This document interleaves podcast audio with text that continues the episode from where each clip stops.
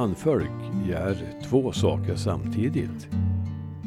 Kan man åka skia samtidigt som man kan tänka på andra saker än var man sätter fötterna?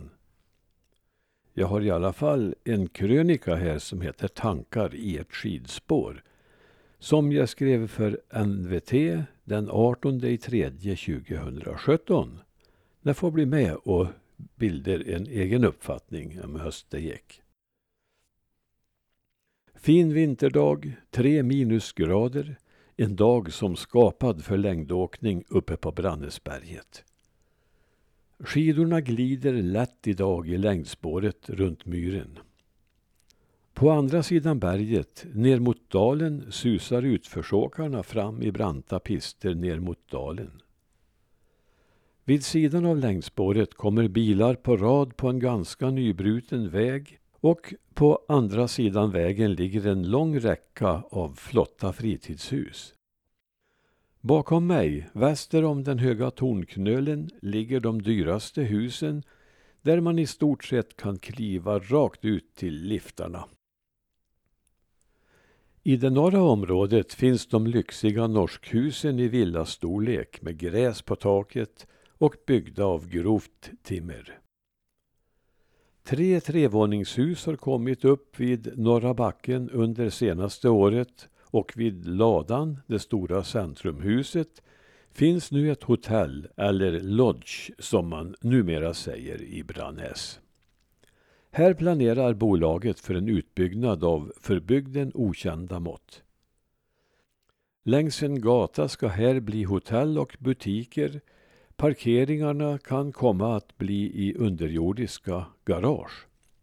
Här, väster om själva toppen, finns tusentals bäddar och fler ska det bli. Det redan stora villasamhället på berget ska bli stadsmiljö. För några år sedan när vi skidade här gick spåret delvis där som husen med utsikt mot dalen nu ligger. Då fanns bara två mindre stugbyar här, men jag minns också hur det var ännu längre tillbaka. För 30 år sedan var här ödemark. I århundraden sågs det höga berget mest som ett hinder. Förutom att det lade dalen i skugga en stor del av vintern var det också besvärligt att ta sig uppför. Till toppen var man tvungen ibland. Min far hade en tid i unga dagar arbete som timmerhuggare uppe på högsta berget och därmed ett styvt göra innan han var uppe och kunde påbörja förtjänstarbetet. Namnet Käpphelvetet på ett område söder om själva toppen har säkert sin historia. Uppför berget måste man också när man drog till Säters med kreaturen på försommaren. Sedan återstod för många av gårdarna en milslång vandring på mjuka myrar och hårda åsar innan man nådde slutmålet där kullan skulle stanna över sommaren med sina djur. De avlägsnaste och äldsta sätrarna låg på andra sidan Ljusnedalen på gränsen mot Finnskogen. Där hade norra och södra Brannäs varsin säter, norra respektive södra Ljusnesätern. Leden dit avslutades med ytterligare en hög stigning. Från Säter till Säter var det en halvtimmes promenad och gränsdragningen mellan dem gav upphov till några tvister som finns noterade i domböcker från 1600-talet. Där tillbringade den 16-åriga Hanna Andersson hela sommaren 1902 tillsammans med gamla Knepola Kerste. Vi såg ej många människor den sommaren Knepola, som brukade fiska vid Gresjön där han hade en liten koja, brukade komma dit upp ibland, skriver Hanna i sina säterminnen. I en dombok från 1692 omnämns att södra Ljusnesätern brukats av uråldrig hävd. Den hade tolv delägare och nyttjades till 1902. Hanna Andersson och Nepola Kerste var de sista som befolkade den. Norra Ljusnesätern med åtminstone fem delägare hölls igång till 1931 och det var värdsgårdsbua som brukades längst. Om Tapperbua sa Tapper-Sofia. Vad för näpen och fina liknande bua. Stora och tungtrampade myrar finns där skidspåren idag bitvis går fram och på någon plats kan jag se hur vattnet vill tränga upp genom snön.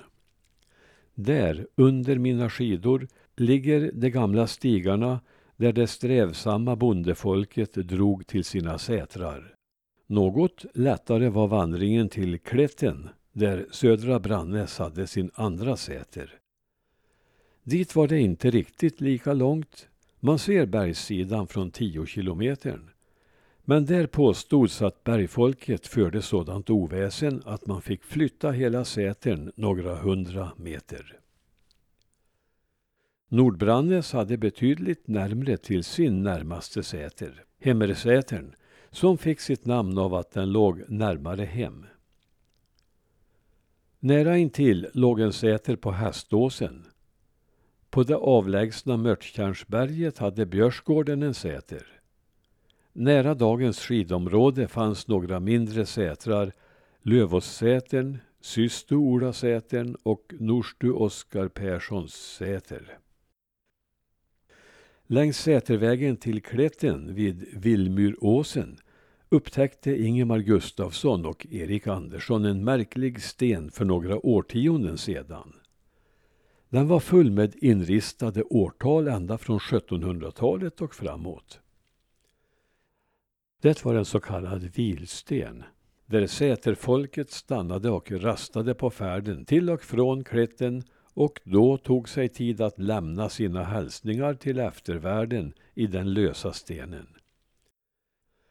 De stora tungtrampade myrarna på berget var inte bara till besvär. Utdikade myrmarker gav möjligheter till odling och vid Nötmyren där jag startade min skidtur hade Nordstugan en sådan.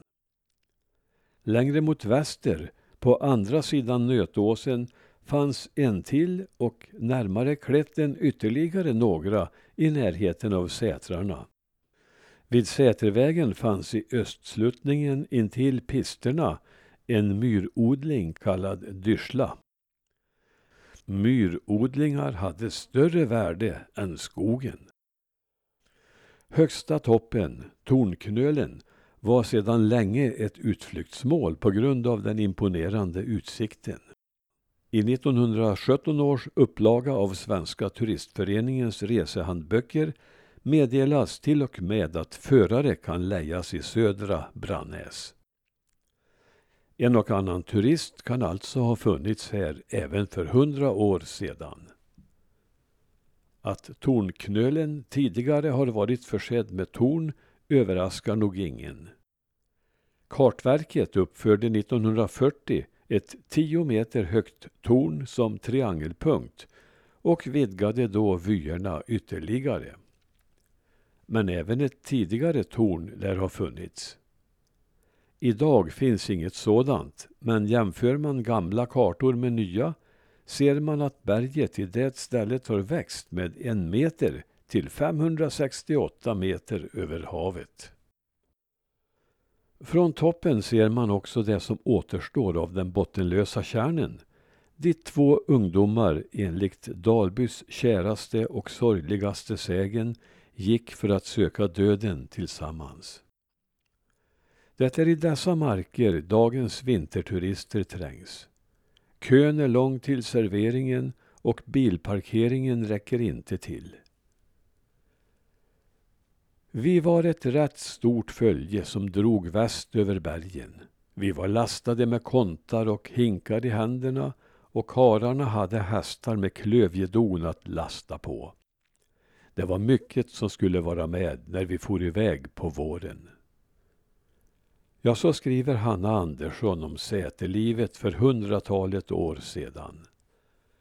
Då stod berget för allvar, idag för nöje. Stort följe, skriver Hanna, och det var det säkert efter den tidens förhållanden. Men kära Hanna, Vad skulle du ha sagt om du hade sett dagens stugor, folk och bilar vid gamla Nötmyren där jag hade svårt att finna en parkeringsplats när jag anlände med mina skidor i bilen tidigare idag? Och vad vet dagens turister om dina gamla säterstigar?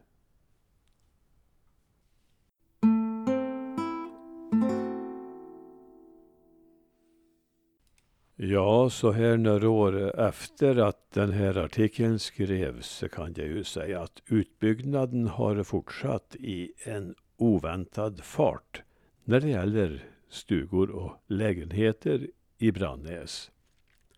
Ett stort hotell har uppförts nere i byn vid någonting som kallas för Bävertorget. Och man får anta att utbyggnaden fortsätter så länge som det finns snö.